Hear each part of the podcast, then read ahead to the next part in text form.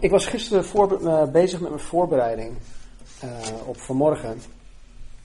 En uh, dan zit ik in mijn kantoortje, is een klein kantoortje van 2,5 bij 3 meter. Maar ik heb een groot bureau, er zit een kast, boeken, planken en, enzovoort. Dus ik heb eigenlijk ongeveer anderhalve vierkante meter om te, te kunnen bewegen. Nou, heb ik geluk dat ik niet zo groot ben. Maar toch, het, het, het voelt best wel klein. En af en toe als ik in mijn stoel zit, dan moet ik gewoon opstaan en een beetje rekoefeningen doen en zo. En, en noem maar op, dat, dat soort dingen. En ik was gisteren dus bezig en, um, met dat soort dingen. En, en, tussendoor, dan, dan bid ik ook gewoon. En uh, ik was aan het bidden. Ik heb ook een, uh, zo'n straalkacheltje, een, een elektrisch ding. Op mijn handen zijn altijd koud. Dus ik, ik, stond daar boven dat kacheltje om een beetje op te warmen, zo te bidden.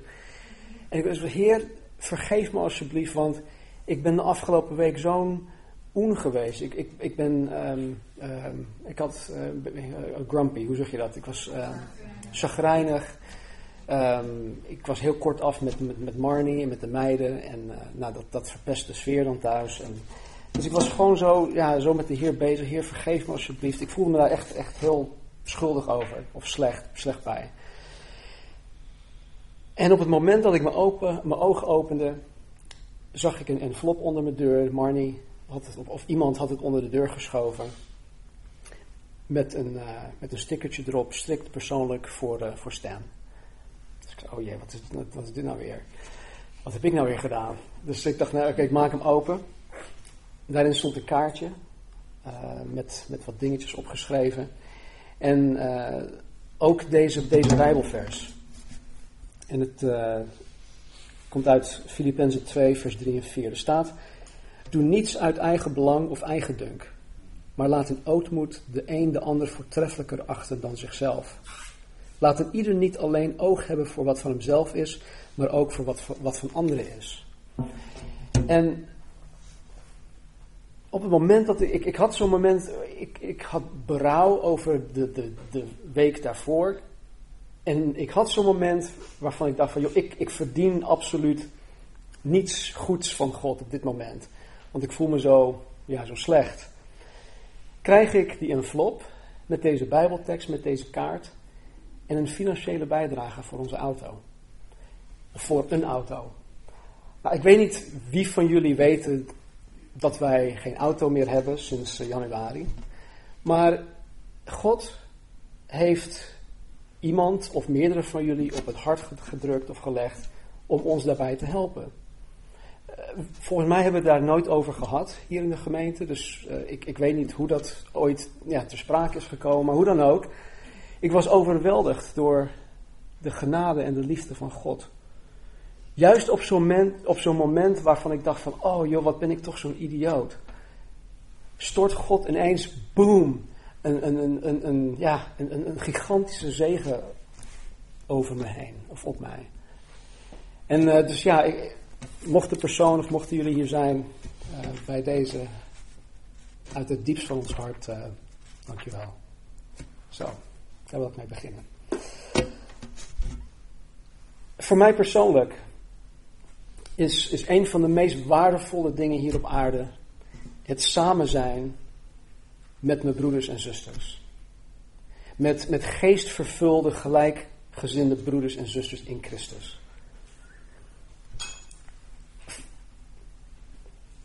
Ik, ik, ik heb 26 jaar zonder God geleefd. En ik heb heel veel spannende dingen, heel veel leuke dingen, heel veel wereldse dingen meegemaakt. Ik ben in, ik ben in Zuid-Californië opgegroeid en daar doen ze heel veel dingen, heel veel is mogelijk. Dus ik heb vanuit een werelds perspectief, heb ik um, ook in de tijd van mijn wereld, van mijn, ja, toen ik nog werelds was, heb ik best wel uh, leuke dingen meegemaakt. Ik heb een goed leven gehad. Maar niets kan vergelijken, of niets is te vergelijken met het leven in Gods koninkrijk. En daarom voor mij, voor mij persoonlijk, en ik geloof dat het voor jullie ook zo is, ik hoop dat jullie het ook zo ervaren, dat, dat het samen zijn met, met, met, met geestvervulde christenen het, het allerbeste is wat, wat, wat hier op aarde mogelijk is. Ik heb ooit gelezen dat het allerergste wat de wedergeboren christen hier op aarde meemaakt, is het leven hier op aarde. Of ja, het, het leven hier op aarde is het allerergste wat de christen ooit zal meemaken. Het leven hier op aarde is het allerbeste wat de niet-christen ooit zal meemaken. Zei, zei ik dat goed? Ja, oké. Ehm, en Ricky zei net, uh, of in zijn gebed, het allerbeste moet nog komen. En, en, en, en wat wij samen hebben, als dat al zo goed is, hoe geweldig zal het dan niet zijn wanneer we in de eeuwigheid zullen zijn, samen met Hem. Dat we ons vlees kunnen afleggen en dat we volmaakt zullen zijn. Maranatha. Als ik bijvoorbeeld een aantal dagen op mijn werk heb gezeten. En dan wil ik mijn, mijn, collega's absoluut niet um, afkraken. Maar gewoon op mijn werk en, en die mensen van, van het bedrijf waarvoor ik werk. Uh, die hele sfeer, de, de, de politieke spellen die gespeeld worden. Als ik daar een aantal dagen heb gezeten, of als ik bijvoorbeeld tijd door, doorgebracht heb onder de heidenen, hè, de mensen die de liefde van God niet kennen, dan verlang ik naar christelijke gemeenschap. Ik verlang naar christelijke fellowship. Er is iets in mij dat, dat gewoon, ik, ik wil naar, het liefst wil ik zo snel mogelijk naar huis toe, want daar heb ik mijn christelijke vrouw, daar heb ik mijn christelijke kinderen, en daar is het veilig. Oh heerlijk Heer, om even weer uit deze wereld te zijn. Ik verlang ook naar de zondagsdienst. Ik verlang naar de donderdagavond waarop het ook over heeft gehad. Ik verlang naar het samen zijn met mensen die van elkaar houden. Ik verlang naar het samen zijn met mensen die elkaar willen dienen. Die elkaar zien als Gods kostbare kinderen waarvoor Jezus Christus gestorven is. Volgens 1 Johannes 1 vers 3 hebben wij, wij christenen, wij die Jezus navolgen, gemeenschap met elkaar, met God de Vader en met Jezus Christus. En wanneer deze gemeenschap plaatsvindt, het zij met de hele gemeente of met z'n tweeën of met z'n drieën, dan heerst er een wederzijdse liefde en respect. En er is eenheid. En dit gebeurt, het, gebeurt niet zomaar. Het is, het is juist de bedoeling wanneer christenen samenkomen dat er een wederzijdse liefde is voor elkaar. Eenheid en respect. Jezus in zijn afscheidsspeech in Johannes hoofdstuk 13, uren voordat hij gearresteerd werd, gaf hij dit mee aan zijn discipelen en ook aan ons. Hij zegt: Een nieuw gebod geef ik jullie, namelijk dat u elkaar lief hebt. Zoals ik u lief gehad heb, moet u ook elkaar lief hebben. Hierdoor zullen allen inzien dat u mijn discipelen bent, als u liefde onder elkaar hebt. Even later in de, in de, in de brief, de eerste brief van Johannes, in Johannes, 1 Johannes 4, vers 7 en 8, zegt dezelfde schrijver, geliefde, laten wij elkaar lief hebben. Want de liefde is uit God. En ieder die lief heeft, is uit God geboren en kent God. Dus ieder die lief heeft is wedergeboren. Die kent God. Die kent God persoonlijk.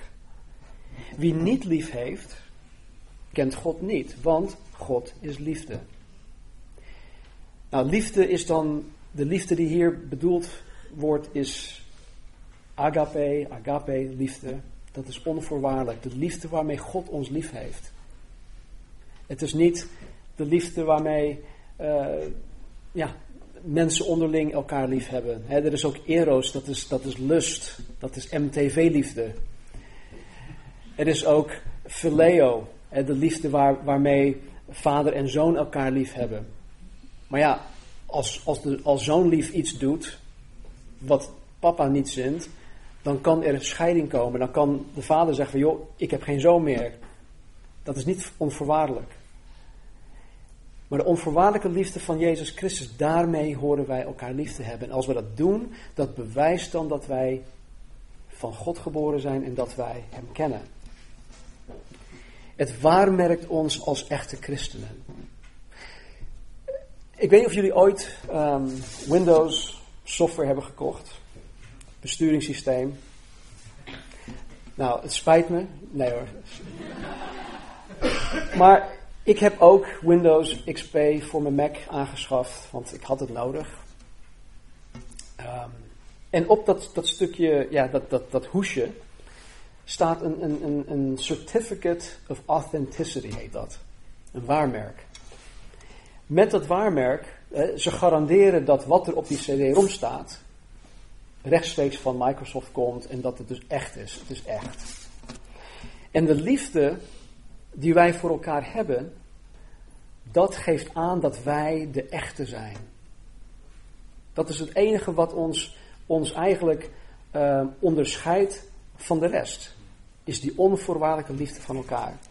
En het is mijn voortdurend gebed en verlangen dat wij als gemeente steeds meer en meer van elkaar gaan houden zoals Jezus Christus van ons houdt.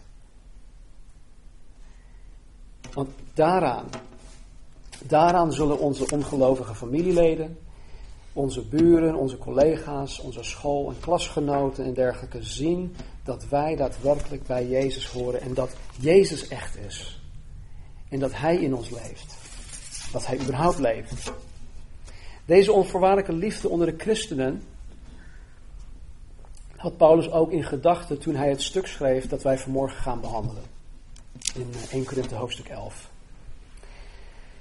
Maar zoals we zullen zien, was deze liefde in Korinthe nergens te vinden. Althans niet in dit gedeelte.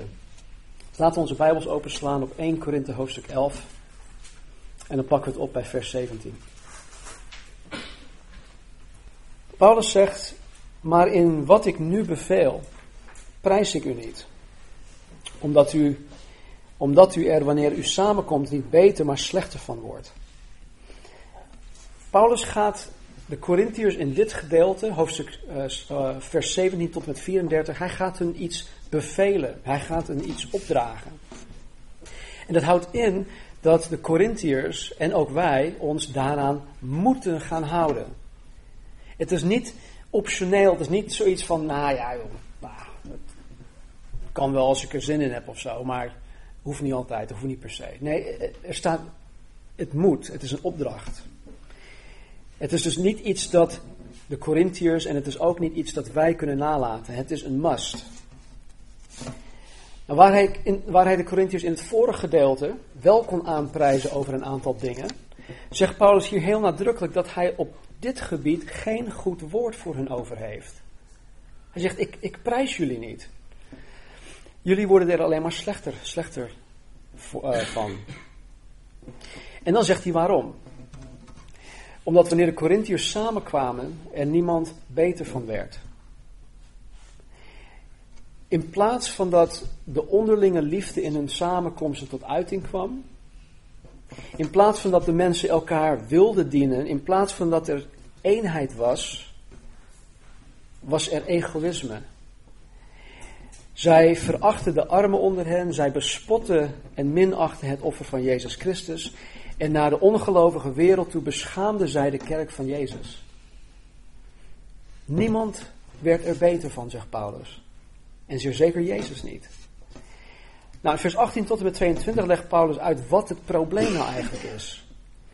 En hij zegt in vers 18, want ten eerste hoor ik dat er als u samenkomt in de gemeente verdeeldheid onder u is. En ten dele geloof ik dat. Paulus heeft al eerder gesproken over verdeeldheid in die gemeente. En hij riep hun op om eensgezind te zijn. Meteen al in hoofdstuk 1. En in hoofdstuk 1, vers 10 en 11 zegt Paulus dit. Dit, dit uh, lees ik nu uit de Grootnieuwsbijbel. Hij zegt, broeders en zusters, ik doe een beroep op u in naam van onze Heer Jezus Christus. Wees allen eensgezind en vermijd partijvorming. Wees één in denken en gevoelen. Want huisgenoten van Chloe hebben mij verteld, broeders en zusters, dat er verdeeldheid onder u is. Even verder in hoofdstuk 3, vers 1 tot en met 3 zegt hij dit. En ik, broeders, kom tot u niet spreken als tot mensen die geestelijk zijn, maar als tot mensen die nog vleeselijk zijn. Als tot jonge kinderen in Christus of baby's in Christus. Ik heb u met melk gevoed en niet met vast voedsel, want u kon dat nog niet verdragen. Ja, u kunt dat ook nu nog niet, want u bent nog vleeselijk. Als er immers onder u afgunst is en ruzie en tweedracht, hè, ofwel verdeeldheid, bent u dan niet vleeselijk en wandelt u dan niet naar de mens? De oorzaak van verdeeldheid onder christenen is geestelijke onvolwassenheid. Het is vleeselijkheid. En dat komt tot uiting wanneer je geestelijke zaken nog steeds blijft zien vanuit je menselijk oogpunt. Vanuit je eigen menselijk oogpunt. Want hij zegt, ten eerste hoor ik dat er, als u samenkomt in de gemeente, verdeeldheid onder u is. En dan zegt hij, en ten dele geloof ik dat. Nou, hij zegt dat hij dit ten dele gelooft. En ik denk dat Paulus dit zegt omdat hij deze berichten meest waarschijnlijk uit een bepaalde hoek heeft meegekregen. En, en, en wij die al een poosje meedraaien in het leven weten dat wanneer iemand een klacht meldt, dat het toch enigszins een beetje overdreven kan zijn. Dus wat doet Paulus? Hij, hij geeft hun de voordeel, of het voordeel van de twijfel. En dan zegt hij, ten dele geloof ik dat. Maar hoe dan ook, er was verdeeldheid in de kerk in Korinthe. Nou, wat Paulus in vers 19 zegt, heeft mij enorm aangesproken. Vers 19. Want er moeten ook afwijkingen in, de leer onder u zijn, opdat wie beproefd blijken te zijn in uw midden openbaar komen. Paulus zegt dat afwijkingen in de leer, of het is eigenlijk beter vertaald als partijvorming, dat dat er moet zijn in de kerk. Partijvorming moet er zijn in de kerk. Dat lijkt tegenstrijdig, want Jezus bidt juist voor eenheid. Het moeten in dit geval is, is dan ook, het is echt moeten. Hetzelfde Grieks woord wordt gebruikt in onder andere Matthäus 16, 21, waarin staat dat Jezus naar Gods wil moet lijden. Dat hij gedood moet worden. En dat hij vervolgens uit de dood moet opstaan. Ten einde de mensheid te verlossen van de zonde en van de dood. Het is hetzelfde woord. En het, het is. Het moeten is dus omdat God het zo wil. En Paulus zegt dat partijvorming er moet zijn in de kerk. Hij zegt dat het noodzakelijk is. Jezus zei in Matthäus 18, 17: Wee de wereld vanwege al haar struikelblokken. En dan zegt hij: Het is noodzakelijk dat er struikelblokken komen. Om te weten te komen hoe sterk je in je geestelijke schoenen staat, moet je regelmatig struikelen. Om te zien of je inderdaad als christen stand houdt of niet. Heel plat gezegd, je moet gewoon af en toe op je bek gaan.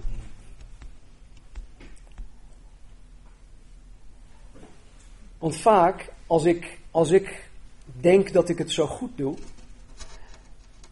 dan word ik hoogmoedig. Dan denk ik, oh God zegent mij omdat ik het juist zo goed doe. Maar God bewees het tegendeel, juist gisteren, omdat ik het juist niet zo goed deed. En hij zegende mij overvloedig. En dat is genade. Maar het is, het is dus nodig dat, dat wij als christenen af en toe op ons plaat gaan. Dat wij struikelen. Als je christelijk bestaan van een leien dakje afgaat, dan zal je nooit te weten komen hoe zwak of hoe sterk je daadwerkelijk bent. Er moeten ook partijvormingen zijn onder u, opdat wie beproefd blijken te zijn in uw midden openbaar komen. Nou, wat niet duidelijk naar voren komt in deze Nederlandse vertaling van dit schriftgedeelte is de, is de betekenis van het Grieks woord afwijkingen in de leer. In de grondtekst gebruikt Paulus maar één woord. Het is een heel kort woordje. En dat woord betekent het kiezen of een keuze gemaakt hebben. Het kiezen of een keuze gemaakt hebben. Of het betekent hetgeen waarvoor gekozen wordt, waardoor men een eigen mening vormt die, die de plaats inneemt van de waarheid van God. Dus met partijvorming maakt iemand een bewuste keuze om voor een bepaald partij te kiezen. En ze vormen daar een mening over. En die mening neemt de plaats in van de waarheid van God. Is dat te volgen? Ja? En, en dat is het woord dat Paulus hier gebruikt. En hij zegt dat dit soort dingen nodig zijn. En dit bedoelt hij dus met afwijking in de leer of met partijvorming. En dit is wat verdeeldheid brengt in de gemeente van Jezus Christus. Nou, Paulus schrijft dit onder de leiding van de Heilige Geest. Die zegt dat dit soort partijvorming nodig is opdat wie beproefd blijken te zijn in hun midden geopenbaard worden. De geestelijke onvolwassenheid, de vleeselijke ongehoorzaamheid van degenen die partij kozen, die verdeeldheid zaaiden, haalde juist de liefde, de eenheid, de eensgezindheid en de geestelijke volwassenheid naar voren van degenen die beproefd waren. Het woord beproefd wordt vooral gebruikt in het smelten van goud of zilver. Het metaal dat na het smeltproces als zuiver goud of zuiver zilver overbleef, was beproefd. De rest konden ze weggooien. En hoe goddeloos en zondig het ook is, gebruikt God partijvorming in de gemeente om de waarde van zijn beproefde kinderen te bewijzen. Te midden van al het gebekvecht, geroddel en verdeeldheid zullen de beproefden zich onderscheiden. Het is net zoals tijdens het smeltproces van goud. dat het zuivere goud zich onderscheidt van de onzuivere bestanddelen. Moeilijkheden, tegenspoed, beproevingen in de kerk creëren situaties waarin de echte geestelijke kracht, de wijsheid en leiderschap zich kan manifesteren. Het wordt openbaar. En je moet het zien als een, een, een schifting, een, een selectieproces. Paulus schreef in 1 Thessalonicense 2 vers 4 over wij die door God beproefd zijn om aan ons het evangelie toe te vertrouwen. Dus hij sprak over zichzelf en degene die met hem dienden, die waren beproefd en God zag, hey, die gasten zijn beproefd, aan hun vertrouw ik het evangelie toe. Aan hun vertrouw ik de bediening toe. En in elke gemeenschap van gelovigen, zoals die, die van ons, heeft God zijn beproefde mensen. Aan wie hij zijn werk in het bouwen van de gemeente toevertrouwt. Hij vertrouwt het niet zomaar en Jan en alle mannen toe. Nee, aan de beproefde. En wat maakt ons beproefd? Wanneer wij als beproefd door moeilijkheden, door, door strubbelingen en dat soort dingen heen komen. Het wordt pas echt duidelijk wie deze beproefde mensen zijn wanneer er sprake is van, van tegenslag en tegenspoed. Wanneer dingen niet gaan zoals men had gedacht of had gehoopt. Dan komen de, de, de beproefde mensen tevoorschijn. Maar waar partijvorming en afwijking in de leer in eerste instantie behulpzaam zou kunnen zijn, om die onderscheiding te maken tussen degenen die beproefd zijn en die niet beproefd zijn, kan verdeeldheid heel veel schade veroorzaken. Ik denk dat jullie die al een aantal jaren meedraaien in, in het christendom, misschien wel eens een, een, een kerksplitsing hebben meegemaakt. Afschuwelijk is dat. Er gaat zoveel pijn en leed mee gemoeid. In het Engels zeggen we: when, when the body is split, who bleeds? En wanneer het lichaam gesplitst wordt, wie, wie bloedt er dan? Ja, Jezus, het lichaam van Christus bloedt. Dus het, verdeeldheid kan veel schade veroorzaken. Veroorzaken.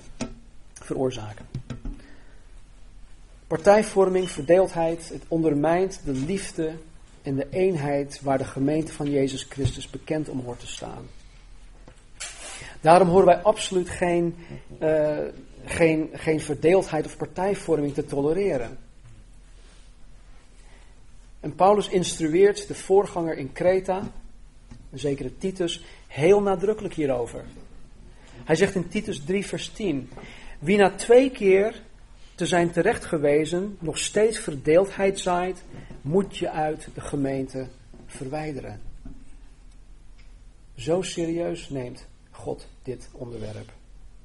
Dus ja, God gebruikt het ten goede, maar wij mogen het je zeker niet zijn gang laten gaan. We moeten het niet op zijn beloop laten. We moeten er iets aan doen. Nou, terug naar de tekst.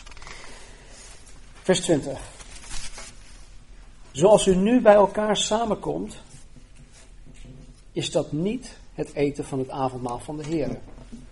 Met andere woorden zegt Paulus, jullie komen wel bij elkaar, jullie eten ook samen, jullie nuttigen ook het heilig avondmaal, maar wat jullie doen en hoe jullie het doen, is niet hetzelfde als het avondmaal van de Heer.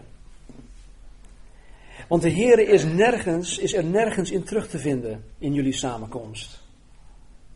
Het is een en al vlees, het is een en al geestelijke onvolwassenheid.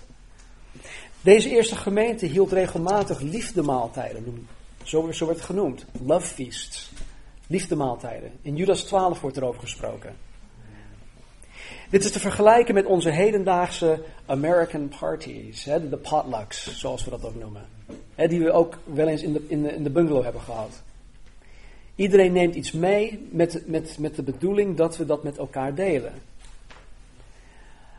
Enige wat zij hier dan ook deden, wat wij tot nu toe nog niet hebben gedaan, is dat zij aan het eind van het eten ook heilig avondmaal met elkaar vieren. En de kerk in de Korinthe waren, er, de verschillen nogal groot tussen de, de rijke mensen en de arme mensen, tussen de rijken en de slaven. En waar de rijke mensen zelf konden bepalen hoe laat ze naar zo'n liefdemaaltijd gingen, waren de armen en de slaven niet zo vrij. Zij moesten nog eh, eerst een volle dag werken voordat zij vrij waren om naar zo'n ding te gaan.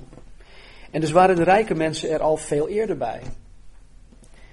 En met zo'n liefdemaaltijd was het de bedoeling dat de rijke mensen het eten meenamen om juist de armen en de slaven daarmee te zegenen. Daarom heet het een liefdemaaltijd. Maar kijk wat er daadwerkelijk gebeurde, vers 21. Want bij het eten gebruikt iedereen van tevoren al zijn eigen avondmaal. En dat is eigenlijk gewoon avondeten. En dan heeft de een honger terwijl de ander dronken is. Wat hier gebeurde was dat de rijke mensen die het eten zogenaamd voor anderen meenamen, het eten zelf opaten. Het gevolg daarvan was dat de armen en de slaven die pas later konden komen, weinig tot niets te eten kregen. Waardoor ze ook ja, honger leden. Ze gingen, met honger gingen ze weer terug naar huis. Ze waren egoïstisch. Ze waren zo egoïstisch bezig dat er niets van de liefde van Jezus in hun te zien was. En vandaar dat Paulus in vers 20 zei dat zij niet het avondmaal van de Here aten. Daarnaast waren er zelfs mensen die te veel op hadden. Ze waren dronken. Niets, maar dan ook niets van wat deze mensen deden tijdens zo'n zogenaamde liefdemaaltijd bracht eer en glorie aan Jezus. Vers 22. En dan zegt Paulus, het, lijkt, het lijkt erop alsof hij uit frustratie dit zegt. Hij zegt, hebt u dan geen huizen om er te eten en te drinken? Of minacht u de gemeente van God en beschaamt u hen die niets hebben? Wat moet ik nu tegen u zeggen? Zal ik u hierin prijzen? Ik prijs u niet. Met andere woorden vroeg Paulus hun, als jullie, als jullie jezelf niet kunnen beheersen en jezelf helemaal laat gaan, of als jullie per se dronken moeten worden, waarom doe je dat dan niet thuis? Als je dat per se wil doen, doe dat eerst thuis voordat je naar zo'n liefde maaltijd komt. Of kom helemaal niet. of vinden jullie de mensen van de kerk, de gemeente, zo onnozel dat jullie geen rekening houden met elkaar? Minacht je de gemeente van God? En denken jullie dat de armen, de slaven alleen maar van die, van die kampers zijn? En waar je geen rekening mee hoeft te houden? Minacht je Gods erfdeel? De houding en de motivatie van elke christen hoort te alle tijden zuiver en oprecht te zijn. Vooral wanneer gelovigen deelnemen aan het heilig avondmaal.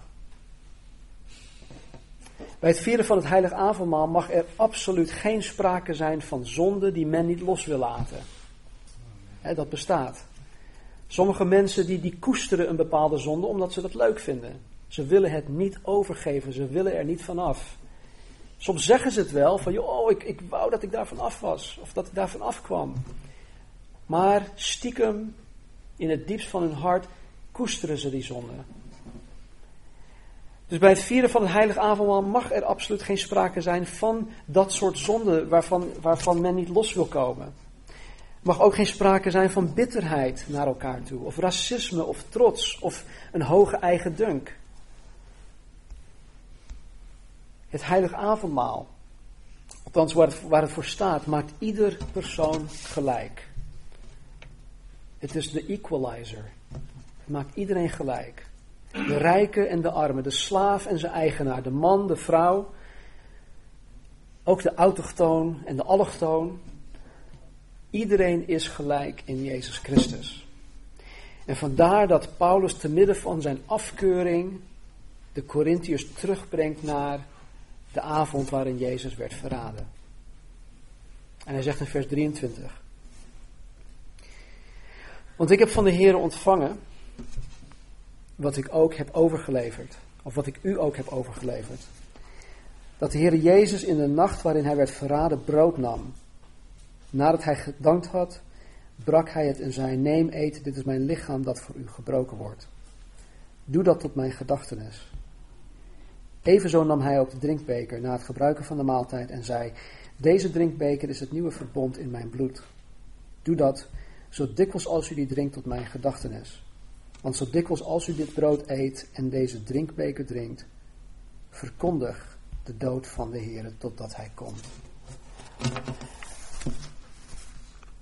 Ik denk dat meeste christelijke kerken dit gedeelte voorlezen of aanhalen tijdens het heilige avondmaal. Of misschien dat stukje uit Matthäus. Het is erg vergelijkbaar.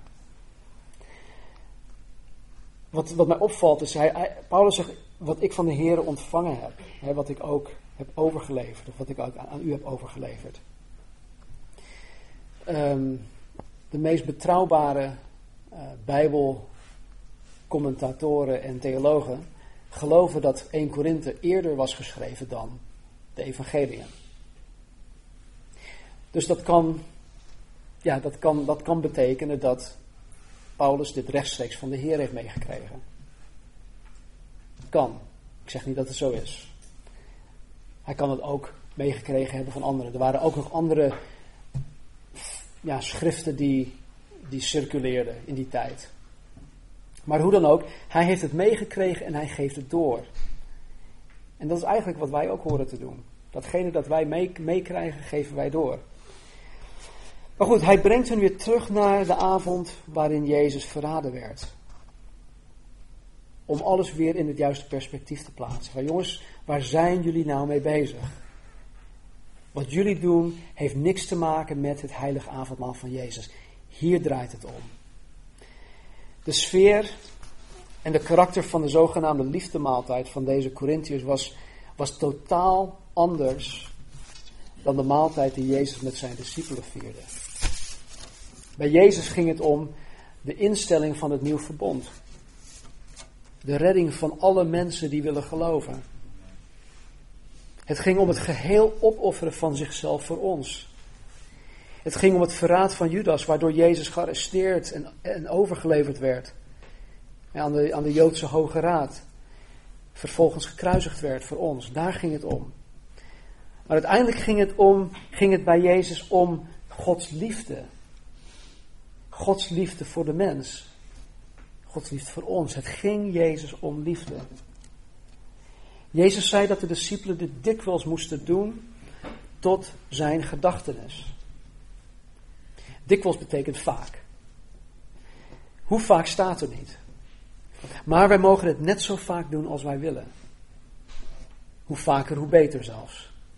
Want het is nodig voor ons als christenen om het offer van Jezus altijd voor ogen te hebben.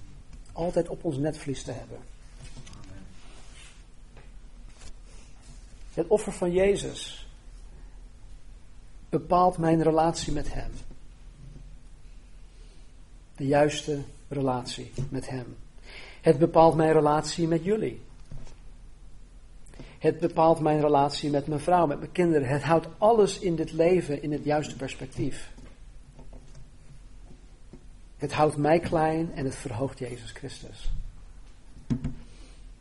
En omdat wanneer wij het heilige avondmaal nuttigen, wij schoon schip maken met God, heeft het een zuiverend effect op de gemeente.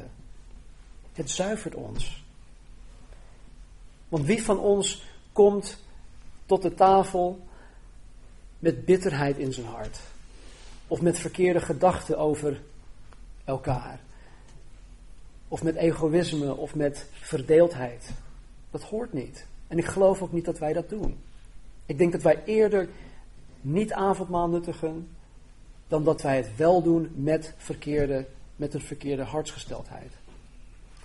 Dus het heeft een zuiverend effect op de gemeente. Daarom hoe vaker, hoe beter. Het vieren van het heilige avondmaal hoort ons ook uit te laten strekken naar de komst van Jezus Christus, wanneer Hij ons opkomt halen. De opname van de gemeente. En ook dat heeft een zuiverend effect op de gemeente. Jullie die kinderen hebben, of jullie die nog kinderen zijn, die nog bij, bij je ouders inwonen. Als Marnie en ik ergens naartoe gaan en we geven hun een lijstje met dingen die we graag gedaan hebben, wanneer we weg zijn. Bijvoorbeeld, ik geef aan Kendall een lijstje van, joh, ik wil dat je de, de afwas doet, ik wil dat je dit doet, dat doet. Het eerste wat ze vraagt is, hoe laat komen jullie terug?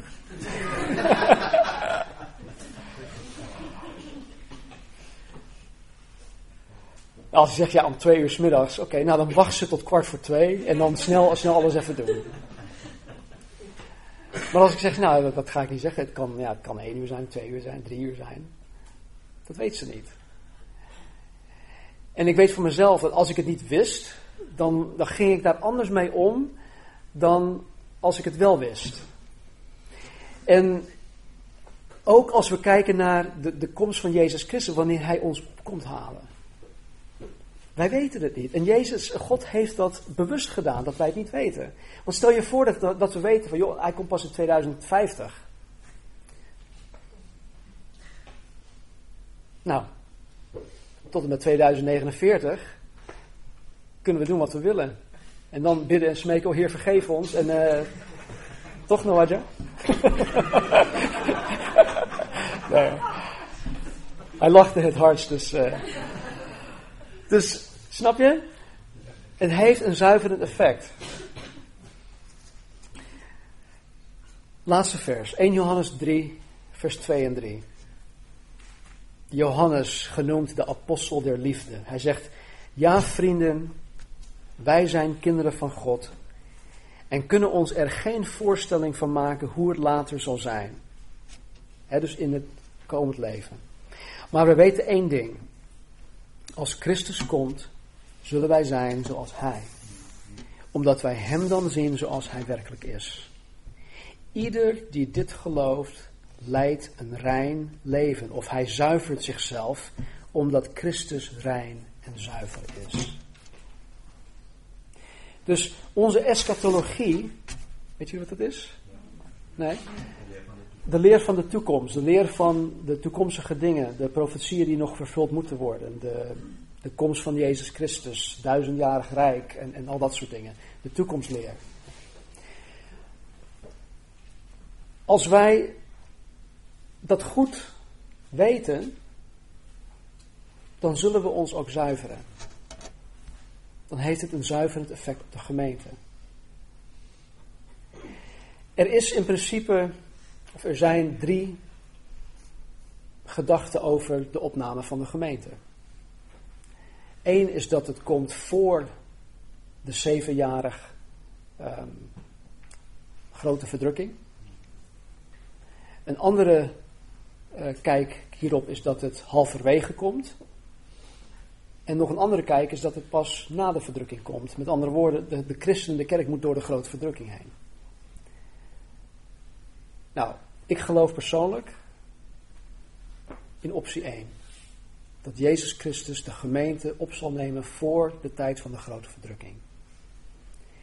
Als dat zo is, dan wil ik klaar zijn. Want dan weet ik, hey, hij kan elk moment komen. Als het halverwege de zevenjarige grote verdrukking komt, dan kan ik aftellen, nou, de verdrukking is nu begonnen, over 3,5 jaar komt Jezus Christus pas, me pas op, opnemen.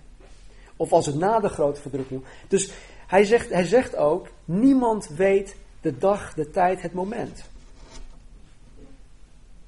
Dus het kan alleen maar zijn voor de tijd van de grote verdrukking. Want dat zal heel duidelijk zijn wanneer dat gebeurt. Maar goed, ander verhaal. Laten we elkaar dan ook, of laten we elkaar daarin bemoedigen en aanmoedigen om ook te zuiveren. Ah, dit is eigenlijk een heel lastig, lastige plek. Um,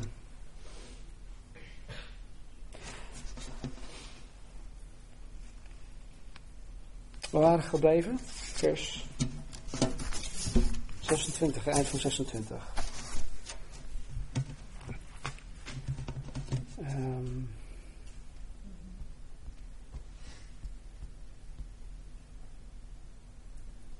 nee, sorry, volgende keer. Laten we bidden. Heren, dank u wel. U bent zo ontzettend goed, Heer. U bent liefde. U bent, Jezus, de belichaming van liefde. En u heeft ons opdracht gegeven, Heer, om elkaar lief te hebben zoals u ons lief heeft. En Heer, wij als christenen, wij als de gemeente worden gewaarmerkt door de liefde die wij voor elkaar hebben. En Heer, ik weet dat het uw verlangen is. Het is zelfs uw gebed. Ik geloof ook dat u dagelijks voor ons pleit, Jezus. Dat wij meer en meer van elkaar zullen gaan houden. Dat de diepte voor elkaar, Heer, de diepte van de liefde voor elkaar, dat dat zal toenemen.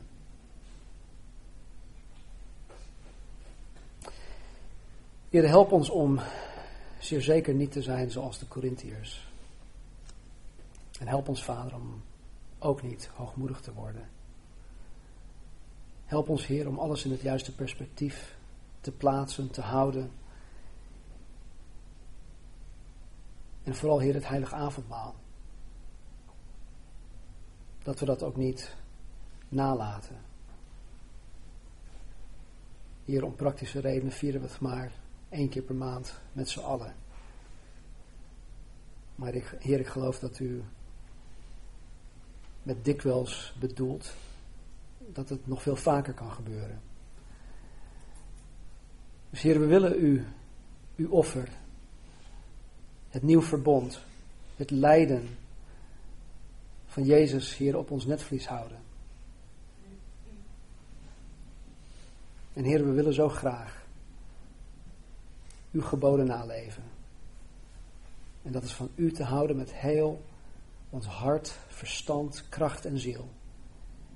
En om van elkaar te houden, Heer, zoals u van ons houdt. Heer, we kunnen geen van beiden. Alleen, Heer, door uw geest, alleen door wedergeboren te zijn, kunnen we op die manier door uw geest dit doen. Dus Heer, geef ons vanmorgen nieuwe kracht. Geef ons de bereidwilligheid, geef ons de, de wil om u hierin na te volgen. Dank u wel, Heer. Zegen en ieder. In Jezus' naam. Amen. Laten we gaan staan.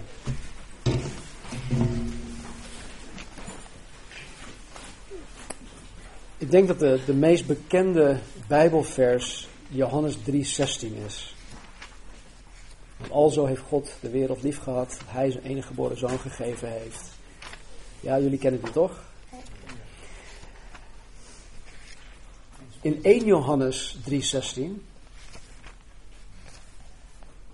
staat er dit. Die, die moeten we ons ook eigen maken. Um,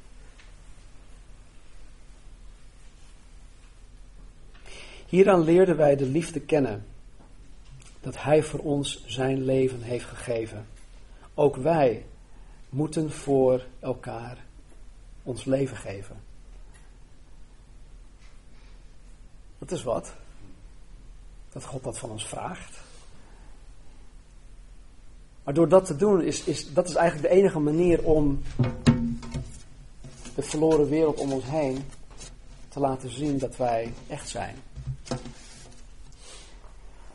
Dus ik wil jullie daarin bemoedigen. Ik geloof echt dat degene die ons ehm, geholpen heeft met die financiële bijdrage, dat die persoon of die personen dit heel goed begrijpen. En ik vind het hartstikke mooi om, ja, om daar deel van uit te mogen maken. Dat ik samen met jullie gemeente mag zijn. Dus nuttig het heilige avondmaal deze week ook thuis. Doe het met je gezin, doe het in je eentje. Maar doe het. Als je het nooit eerder in je eentje of thuis hebt gedaan, als je het alleen maar in de kerk hebt gedaan, dan moet ik je uitdagen om het een keer buiten deze samenkomst te doen. En dat bedoel ik niet met, met chips en cola of zo, maar.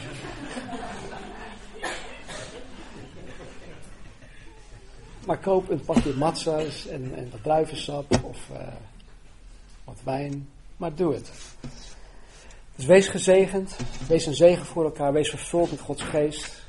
En laat je licht zodanig schijnen dat ieder je goede werken zal zien, zodat ze de Heere en de God en Vader in de hemel zullen verheerlijken. Wees gezegend. Amen.